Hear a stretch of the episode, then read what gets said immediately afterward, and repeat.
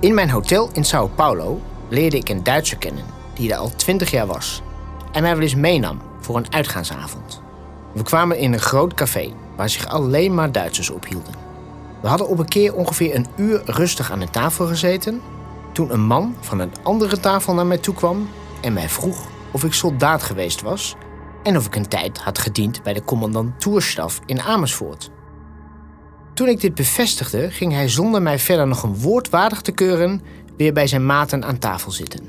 Het lokaal werd in gedempt licht gehouden, waar men op enige afstand iemand niet goed kon herkennen. Ik kreeg ook de indruk dat de man mij deze vraag stelde in opdracht van een derde. Een dag of veertien later kwamen wij daar weer en toen liet de kastelein mij kennis bij zich roepen om hem te vertellen dat ik daar niet langer gewenst was, vanwege die andere Duitser, die hier niet meer wilde komen als ik er was. De kastelein verzocht mij kennis mij niet meer mee te brengen. We gingen toen naar een andere gelegenheid. Later raakte ik hem kwijt. De oorzaak is mij onbekend gebleven. Wel wil ik hieraan toevoegen dat ik vanaf het eerste moment gedacht heb dat Heinrich of Franska hierachter zouden zitten. Er zijn namelijk veel gewezen naties naar Zuid-Amerika uitgeweken. Je hoort hier een passage uit een boek van Rick Valkenburg, waarin hij Willy Engbroks interviewt. Een mens in haatuniform. Engbroks wordt door veel oudgevangenen omschreven als een goede Duitser. Hij wordt later zelf gevangen genomen. En pas in 1953 komt hij voor goed vrij. In 1956 gaat Engbroks als textieltechnicus naar Brazilië om weeffabrieken in te richten. Zo komt hij dus in Sao Paulo. Dit is een kruimeltje. Het volgende kruimeltje zien we nog nergens liggen, dus een spoor is het niet eens. Maar één persoon, namelijk Engbroks, die een onheimisch gevoel heeft over iemand die vanuit een duister hoekje toekijkt hoe weer iemand anders hem benadert in een kroeg in Sao Paulo. En dan nog is februari 1945 al een tijd om daar naartoe te vluchten? Dit is De Verdwenen SS'er. Een podcast waarin we proberen te achterhalen wat er na de oorlog is gebeurd met Walter Heinrich. Oorlogsmisdadiger, massamoordenaar en grondlegger van een van de gruwelijkste concentratiekampen in Nederland. Hij verdwijnt in de laatste maanden van de oorlog. Onvindbaar. Spoorloos. Mijn naam is Jordi Hubers en samen met Floris van Dijk ga ik op onderzoek uit. Op zoek naar een onbestrafte oorlogsmisdadiger. Aflevering 4. De Rattenlijn. Sao Paulo. Het lijkt een dun spoor, maar als je je bedenkt dat maar liefst 7000 SS'ers succesvol in Argentinië terecht zijn gekomen na de oorlog, en nog eens 2000 in Brazilië, dan klinkt het niet eens zo heel vreemd. Jozef Mengele bijvoorbeeld, de horrordokter van Auschwitz, zat onder andere frankenvrij in Brazilië. Het is en blijft een uh, uh, intrigerend verhaal van, uh, van de man zelf, dus van Willy Engbroks. hij noemt dan ook, omdat hij niet begrijpt, en hij ging er ook over nadenken, maar nou mag ik zelfs al niet eens meer die kroeg in, twee weken later. Dus wat is dat dan? En hij heeft ook altijd, hij noemt dan in dat boek ook gewoon twee namen waarvan hij denkt, nou, dat zouden dan de enige twee kunnen zijn. Ik, heb, ik kon die groep niet herkennen. Ze zaten met z'n vieren, drie bleven in het halfduister zitten. En eentje die kwam dus op mij af, maar die man die kende ik niet. Dus uh, ja, hij denkt dan dat het of uh, Carlo Franska is geweest, een andere bewaker die over, overigens ook is ontkomen na de oorlog. In ieder geval, wij zijn spoorbijster. En ja, of Walter Heinrich. Dus dat vond ik ook wel redelijk opvallend. Dat hij wel nou net twee namen noemt van mensen uit kamp Amersfoort. die inderdaad niet voor de rechter zijn gebracht, allebei. Ja, het is een, in alle eerlijkheid een dun verhaal. Ieder bewijs ontbreekt. Maar Willy Engbroks heeft ook niet beweerd... ik heb hem vol in zijn gezicht gezien, ik heb hem herkend. Nee, dus het was allemaal heel vaag al. Maar hoe kom, je, hoe kom je erachter? Stel, hij uh, heeft daar uh, gewoond. Hmm. Uh, en, en, en, heeft zich met succes weten te verstoppen. Ja. Hoe, kom je er, hoe, kom je, hoe zou je er nu, nu nog achter komen? Moet je dan weet ik veel, begraafplaatsen af, af, afstruinen, telefoonboeken. Dan moet je dan ja. aannemen dat ze daar onder eigen naam Ja, nee, maar dat ja, ook nog eens. Ja. precies, daar heb je alweer meteen de eerste... Uh... Want, uh, hoe heet de Eichmann ook alweer? Iets van Kramer of zoiets? Ja. Oh, die had ook een... Uh... Ja, ja, die woonde onder een andere naam daar. Maar die heeft de Mossad, de Israëlische geheime dienst, die heeft hem dus wel kunnen traceren. En ook echt vastgesteld dat hij dat moest zijn. Nou, de rest van het verhaal is natuurlijk bekend. Die hebben ze gewoon gekidnapt. Ja. Alsnog uh, veroordeeld. Veroordeeld. Maar dan praat je over wel echt over, over eh, eh, zeg maar even topnazi's, top-SS'ers die daarvoor? Of zou een Heinrich ook Klaus gewoon... Barbie had dezelfde rang als eh, Walter Heinrich. Dus dat was Ah, een oké. vreselijk berucht. eh, echt een... eh, ja. Dus, eh, maar goed, die, die, laat zeggen, die, die, die, die, die mensen die dus echt bloed aan hun handen hadden... of eh, echt, echt absoluut niet eh, de wilde leven zeg maar, in een geallieerde wereld... in een vrije westerse wereld... die zijn natuurlijk, eh, die naties, die, eh, een gedeelte daarvan is dus ontkomen. Merendeels via Vaticaanstad, met valse papieren. En sommigen eh, ook gewoon keurig op het vliegtuig. Ja, dat is ook dat je denkt van, eh, hoe bestaat het? Walter Heinrich in Brazilië, of specifieker in Sao Paulo. Hoe gaan we hier achter komen? We starten maar met Google, want dat doe je toch altijd als eerste. We kijken in krantenarchieven, we zoeken naar zijn naam, naar naties in Brazilië. En aangezien Heinrich waarschijnlijk al overleden is, zoeken we ook in overlijdensregisters. Dan is het interessant om eens te kijken of we op een cementerio van Sao Paulo, of daar wat. Er zijn een aantal begraafplaatsen. We hebben Cardiel Arcoverde, we hebben Villa Formosa en Memorial Park Cherie. Dat zijn dan dus allemaal begraafplaatsen rond Sao Paulo in Brazilië. Cementerio de Consolação. Sommige daarvan hebben dus gedigitaliseerd graflijsten. Ook hier Walter Heinrich. Nee. Nee, en nog eens een nee. Eh, even kijken hoor. Eh, kijk, anders hebben we hier... gespeld natuurlijk. Ja, dit, man, het is echt allemaal zo. Uh, allemaal. Wat hebben we hier? Oh, hier hebben ze een groot krantenartikel dat ze 13.000 uh, fossers en cementarius, dus 13.000 graven hebben opengemaakt en een of ander groot project. Ook daar niks over. Ene. Nee, nee. kans is ook wel groot dat als je daar naartoe gaat, dat je dan misschien niet je eigen naam. Nee, ja, precies, ja. Maar, dus dat, uh, maar goed, het is dan het enige houvast dat je zou hebben. En dan hebben we... Uh, ja, als je ook gewoon... Uh,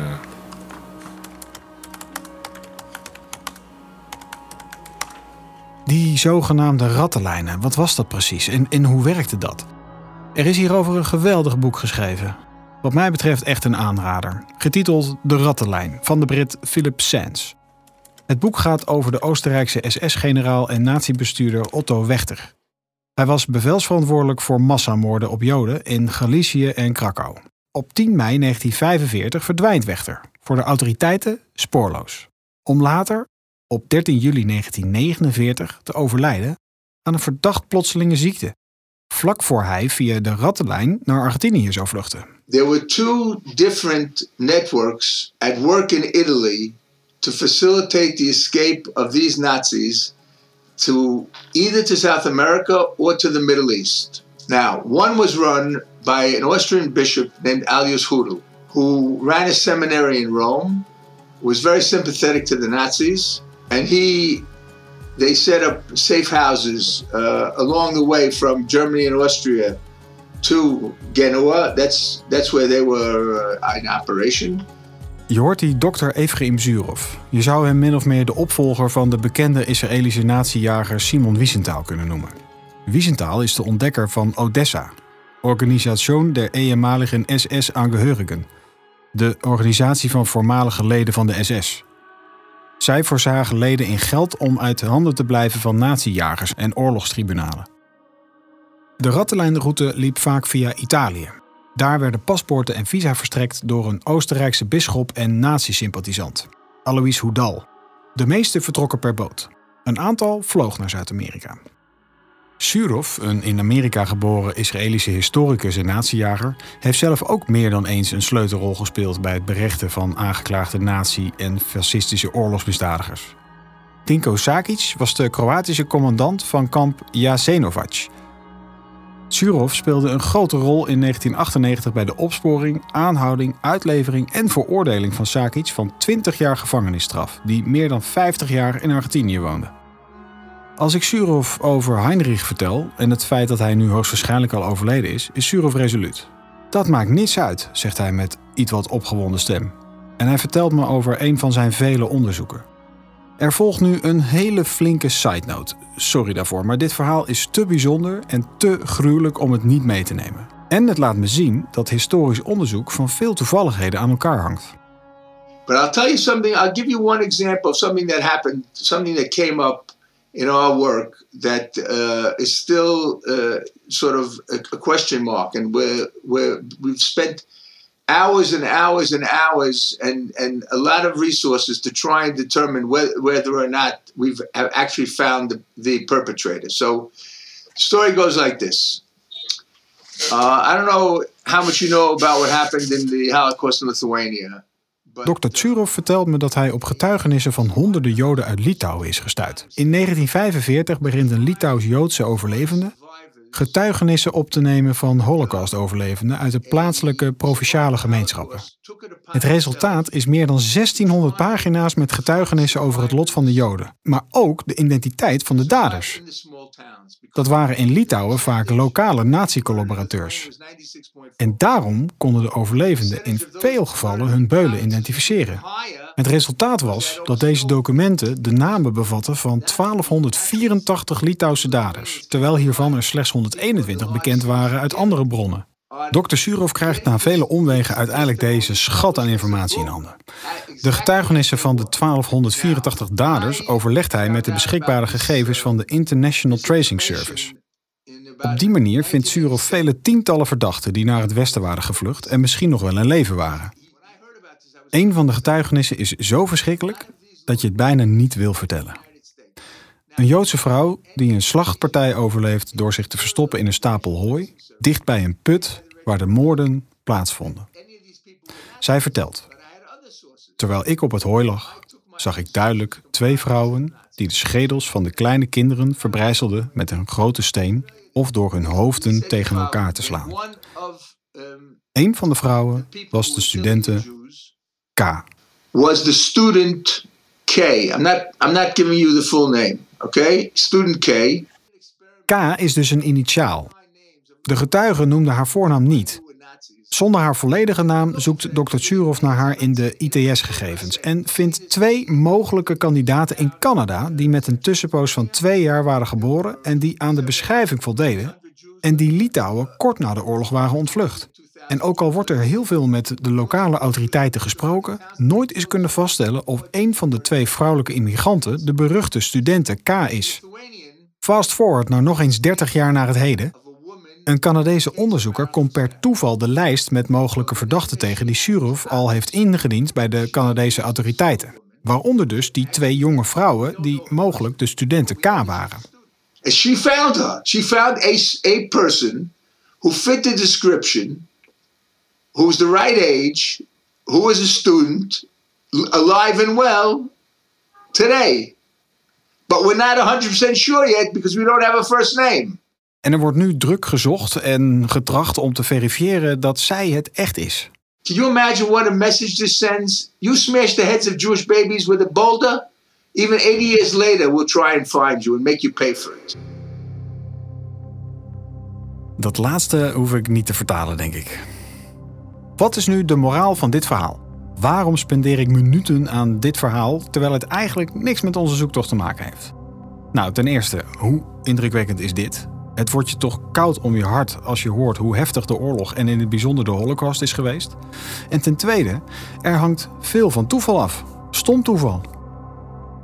Het is dus allemaal ongewis en onduidelijk wat er na de oorlog met Heinrich is gebeurd. Maar.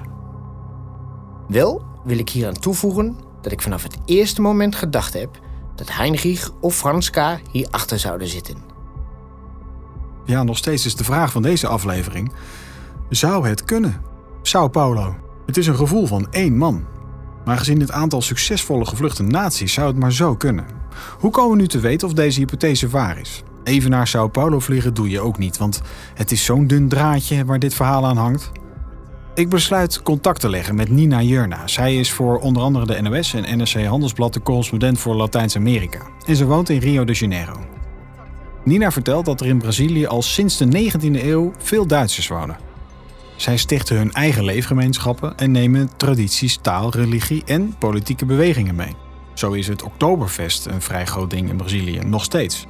Nina vertelt me ook nog dat de NSDAP ook over zee lokale bewegingen en partijen opzetten. En in Brazilië waren de meeste leden, 40.000 om precies te zijn. Maar het valt me altijd op als ik naar het zuiden ga van Brazilië. En dan heb ik het over de deelstaat, uh, uh, nou ja, plekken als Santa Catarina, Rio Grande do Sul. Dan is het echt alsof je toch wel in Duitsland komt uh, qua mensen. Veel, veel, ja, het zien er echt nog heel Europees uit. En als je met oudere mensen spreekt, kan het best nog zo zijn dat ze ook zelfs nog Duits spreken. En ehm, is er iets uh, bekend over de periode na de Tweede Wereldoorlog? Ja, dat is de laatste golf eigenlijk. Dat is dat na de Tweede Wereldoorlog zijn er oud gevluchte naties zijn naar Brazilië gekomen. Niet alleen Brazilië, ook naar bijvoorbeeld Argentinië of Chili. Ja, en je hebt, je hebt het net al wat verteld over de Duitse invloeden die er eigenlijk nog steeds uh, zijn. Uh, kun je nog iets meer vertellen over de Duitse enclave in, in, in Brazilië en misschien zelfs in Sao Paulo in het bijzonder? Ja, dat is. Uh, kijk, Sao Paulo is altijd een stad geweest wat heel veel migranten aantrok. En zeker de, de tweede golf, die dus na de, ja, zeg maar, na de Eerste Wereldoorlog naar Sao Paulo Dat is altijd de grootste stad geweest en nog steeds van Brazilië. Waar je dan de meeste kansen uh, had. Dus die stad heeft uh, ook veel Duitse migranten van na de Eerste Wereldoorlog aangetrokken. Die dan ook ja, in, in buurten terechtkwamen waar dan al veel migranten waren. Eigen kerk stichten. Het waren ondernemers, um, maar ook vaak in de horeca. Ik kwam ook tegen in mijn research dat er dus ook een, een, een, een, een plek was waar hotels waren, waar, waar uh, pensions, Duitse pensions waren en ook, en ook restaurants. Ah, plekken dus waar Duitsers samenkwamen. En in pensions, hotels, cafés en restaurants samenklonterden. Ik merk dat tijdens ons gesprek mijn gedachten al afdwalen naar de setting uit het boek van Engbroks. Zo'n warme kroeg, van die plafondventilatoren, het is er donker. Zou deze scène zich daar afgespeeld kunnen hebben? Uh, ja, waar houden ze zich op? Um, er is bijvoorbeeld een, uh, een bekende wijk in uh, Sao Paulo nog steeds, Villa Mariana. Dat is een uitgangswijk nog steeds. Maar in de jaren uh, na de Eerste Wereldoorlog stond die wijk ook bekend waar dat, dat, dat daar ook Duitse barren waren of restaurants. En waar, waar mensen dus ook uit die gemeenschap kwamen. En dat is nu is dat, zeg maar uitgegroeid tot een hele grote bekende uitgaanswijk. Maar zo heb je dus... Ik merk dat ik een beetje hoop krijg en dat we misschien een spoor te pakken hebben. Maar ja, waar zoek je vanuit Amersfoort naar een persoon die wellicht in de jaren 60 is gezien in Sao Paulo en wellicht niet eens onder zijn eigen naam?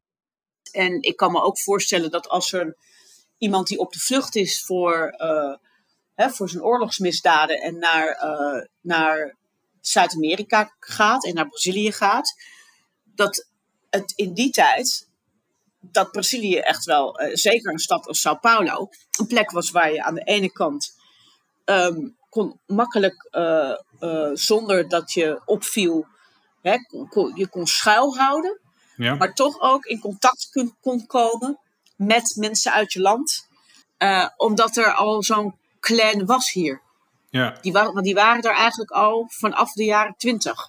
Heb jij, heb jij enig idee hoe wij misschien nog verder zouden kunnen, kunnen speuren? Uh, hoe, hoe, hoe zit dat land in elkaar qua, qua databases, qua telefoonboeken, weet ik veel? Iets in, ik, ik noem maar even een dwarsstraat. Nou, wat ik weet is dat uh, uh, de archieven van de federale politie, dat is de FBI van Brazilië, dat dat hele goede archieven zijn.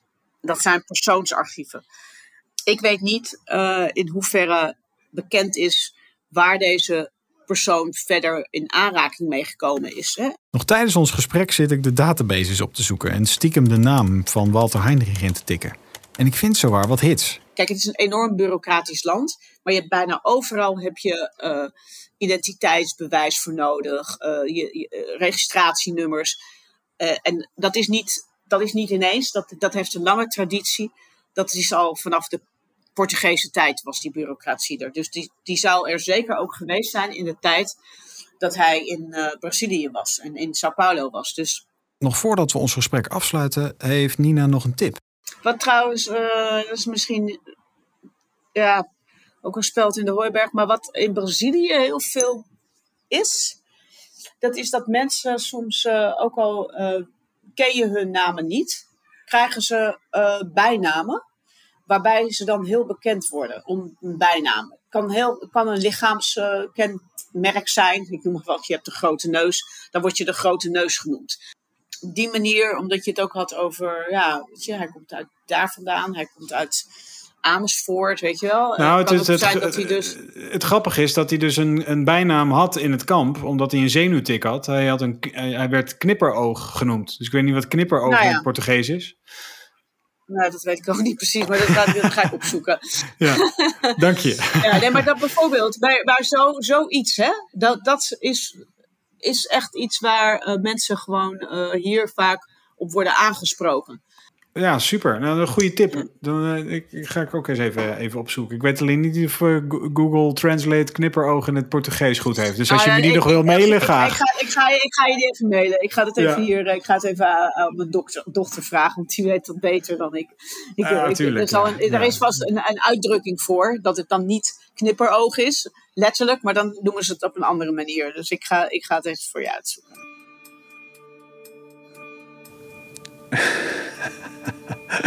Nina heeft er geen woord aan gelogen dat uh, Brazilië bureaucratisch is. Want ik kom hier een Walter Heinrich tegen die een heel flink bonnetje open heeft staan. Als ik het goed begrijp voor een autobekeuring, maar dat weet ik niet helemaal zeker. Maar het is sowieso onze Heinrich niet, want het is nu, hij is 64 jaar dus. Hé, hey, wat is dit dan? CIA heeft alle Nazi War Crimes documenten live gezet, al in 2009. Nou. Let's try. hey, Walter Heinrich. Ah, nee. Walter Heinrich von Brauschitsch. Jij ook. Ah. Central Tracing Bureau, U.S. Army, number 71379. Outsheet for inquiry transferred and original. Walter Heinrich. Geen birthdate, geen birthplace. Adres in Wiesbaden. Oké. Remove from files, 10 april 1946. Case closed. Oké. Nou, die Amerikanen waren er ook al snel klaar mee. Floris is op zijn beurt nog een keer de bibliotheek van het NIOD ingedoken. Is er iets te vinden over de Rattenlijn, de uittocht van in Nederland gestationeerde SS'ers? Dat niet helaas. Maar hij stuit wel op een verklaring waarin iets interessants staat over Walter Heinrich. Floris, Jordi. Nee, ik ben, uh, zoals uh, kom net terug uit de NIOD. Uh, heb daar eigenlijk de organisatiedossiers, zeg maar, met de beschrijving van hoe de ziekenhuisdienst in elkaar zat, doorgekeken. Uh, we weten natuurlijk allemaal dat Walter Heinrich, nadat hij uh, kampcommandant in Amersfoort was geweest, is overgeplaatst naar de ziekenhuisdienst, dus zeg maar het hoofdkantoor in Den Haag. Ja. En dat hij daar een soort van inspecteur van de concentratiekampen werd. Ja. Um, maar nu kwam ik het volgende tegen, want hij had daar een andere functie ook bij. En die is wel heel erg interessant. We hadden al gelezen in een verklaring van een oud-gevangene dat Heinrich in 1943 opduikt als escorterende SS-officier op een transport naar het beruchte concentratiekamp Natzweiler, een zogenaamd Nacht- und Nebelkamp. Verzetsmensen dienden spoorloos te verdwijnen in Nacht- und Nebel, zonder de familie in te lichten. De reden van Heinrichs aanwezigheid op dat transport hebben we altijd ingeschat als hij wil eens kijken hoe dat werkt. Maar het wordt ons nu ineens duidelijk wat Heinrich op dat transport deed. En dat komt door een verklaring van SD'er August Woldeit. Wat zegt deze uh, naaste collega dus? Uh, de afhandeling van uh, Nacht op Nebel gevallen, die lag in de handen van Walter Heinrich. En dat was dus een geheime reiszager. Okay. Dus die, die heeft nog viezere handen, zou je bijna kunnen zeggen, dan wat we al dachten. maar hij is dus ook in Den Haag in 43 en 44 is hij dus belast geweest als geheime reiszager met, ja, laten we zeggen, het doen verdwijnen van gearresteerde zware gevallen, zoals dat dan in de ogen van de Duitsers werd gezien. Dus naast zijn inspectietaken had Walter Heinrich vanaf maart 1943 nog een geheime opdracht. De afhandeling van nacht- en nebelgevallen in Nederland. In totaal zouden circa 600 Nederlandse verzetsmensen in Nassweiler belanden, waarvan bijna de helft bezweek. Nina mailt me nog de juiste vertaling van knipperoog. Dat is piskar. Ik zeg het waarschijnlijk verkeerd. Maar waar we ook kijken, we vinden eigenlijk helemaal niks. En dus loopt alles een beetje dood. En uit Bremen, je weet wel, de Duitse officier van justitie die in 1981 verklaart dat Heinrich verschollen is sinds 1945, heb ik ook nog niks gehoord. Van Floris heb ik al begrepen dat dit vaak even kan duren. Maar dan. Dan krijgen we een kruimeltje aangereikt. Zomaar. Een toevalligheid die we niet meer hadden verwacht, maar waar oorlogsverhalen vaak van afhangen. Floris heeft een verhaal geschreven in In Beeld, het magazine van kamp Amersfoort, over Walter Heinrich. Over het opgedoken SS-dossier. Over het leven van Walter Heinrich en over zijn mysterieuze verdwijning. NRC, het AD, RTV Utrecht, allemaal pikken ze dit verhaal op. En dan ineens appt Floris mij. Hoi Jordi, ik heb contact met iemand over Heinrich. Hij weet meer over hem. Hij schijnt de zoon te zijn van een van de affaires van Heinrich in de volgende aflevering.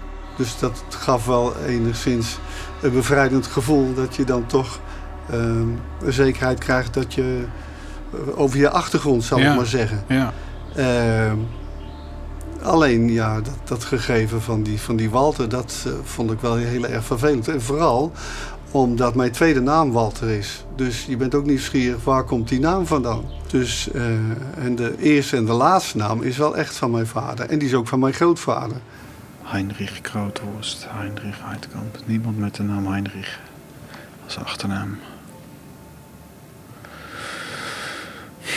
Hmm. Dit was de vierde aflevering van de podcast De Verdwenen SS'er. Een zoektocht naar de mysterieus verdwenen kampcommandant Walter Heinrich van kamp Amersfoort. Wil jij direct weten wanneer de volgende aflevering klaar is? Abonneer je dan op deze podcastserie. Of laat een like achter. Dat maakt de podcast weer beter vindbaar voor andere luisteraars. Deze podcast wordt geproduceerd door IO voor Nationaal Monument Kamp Amersfoort. Wil jij meer weten over Kamp Amersfoort of Walter Heinrich? Bezoek dan het nieuwe ondergrondse museum over het voormalige concentratiekamp. De mixage en eindedit is gedaan door Frederik Middelhoff van Podcast Guru. De muziek is gecomponeerd door Bouke Henneman.